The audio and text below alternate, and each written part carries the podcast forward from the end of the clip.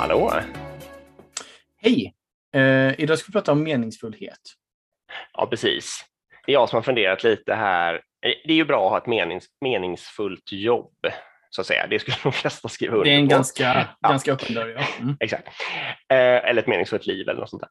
Och Mm. det jag har funderat på här är att eh, jag kan eh, urskilja ganska tydligt att det finns två sorters meningsfullhet. Mhm. Och det, då tänker jag så här, att man kan göra något meningsfullt eh, som känns meningsfullt för att det liksom är smart och bra och viktigt. Liksom, att man verkligen bidrar på ett bra ställe. Och typexempel för det skulle kunna vara att vara lärare ute på landsbygden någonstans då eh, och lära barn som annars inte skulle få någon undervisning på något bra sätt liksom, eh, och lä läsa och skriva. Jag tänker om vi tar det till chefs eller ledarskap så, så kan man väl säga typ att man eh, ger någon mm, ung person eller någon person som inte fått chansen innan eller man har Mm. utvecklar eller utvecklingssamtal eller alltså något sånt där. Mm. Precis. Och hjälper någon att utvecklas som inte skulle kunna göra det annars till exempel. Och hitta Mm, nya jobb och sånt här. Mm. Och sen finns det den andra sorten då och den är mer så här att eh, det man gör, den är då ofta i någon dum kontext. Vi kan tänka oss att den här skolan på landsbygden där man var lärare för länge sedan, att den inte hade några dörrar och att boskapen gick och bajsade i klassrummet på natten. Och så kan Mm. man tänka sig att någon eh, går dit och mockar alltihopa så att den här undervisningen ska kunna fortgå. Och så kan Mm. man lägga på då kanske lagret att det finns någon brukspatron som har bestämt att det inte ska få byggas några dörrar på den där skolan för fattigjonen eller något sånt där. Mm, just det. Ja, lite konstruerat. Men. För då är det liksom att man jobbar i en dum kontext. Eh, men det, det är fortfarande meningsfullt på det viset att eh, om inte den här personen gick och mockade ur det där skulle inte den här undervisningen kunna ske. Nej, exakt. Så det är liksom jätte, jätteviktigt, men det är dumt. Mm. Och den sortens meningsfullhet är ganska, alltså förekommer ganska ofta på något sätt ändå. Som chef tänker du? Ja, överhuvudtaget i många organisationer tror jag. Ja. Att, nå, att en bra människa som genuint vill någonting bra griper in och gör något viktigt fast att det egentligen är helt vansinnigt att den ska behöva göra det. Det är, Mm. det är dit Ja, det är jag är på väg. Ja, Mm. det är dit jag är på väg. Och, och, och då men, jag menar inte, det är ju bra då. Alltså jag menar inte att jag menar inte, de här personerna ska ju göra det liksom. Och det är ju viktigt. Jag tycker att de här barnen ska få den här undervisningen och brukspatronen är ju elak eller ond. Liksom.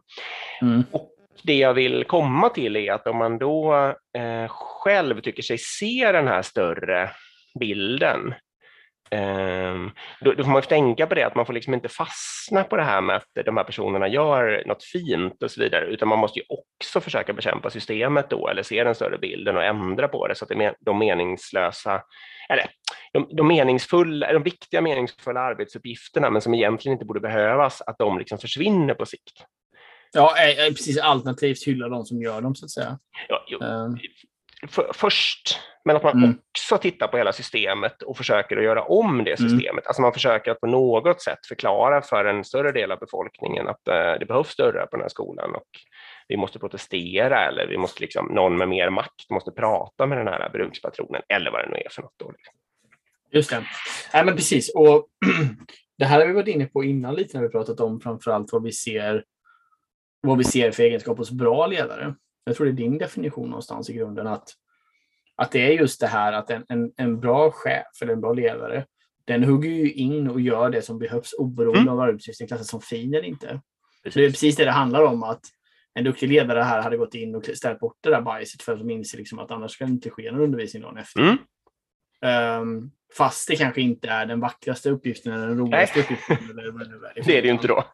Nej, det är det ju inte då. Ehm, men på något sätt man ser ett högre syfte i det och Ja.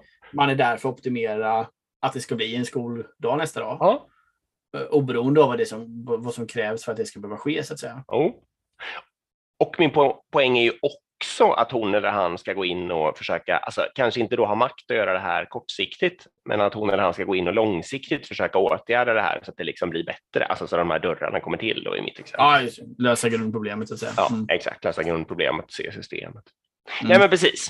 Ja, Och den värsta typen, om vi, om vi bara snabbt bollar över på den värsta typen av, av ledare eller chefer, är ju då den personen som skulle säga att nej, men det där är jag ju för fin för. Det får Ja. någon annan göra. Och så Oh, blir det inte gjort och så blir undervisningen dålig och så vidare. Mm. Eller som bara skiter i och alltså ställer in all undervisning för att det här rummet är ju fullt med kobajs. Liksom. Mm, ungefär så. Eh, ja. Så dåligt alltså. Ja, det var fem. Ja, bra. Tack för idag. Tack. Hej.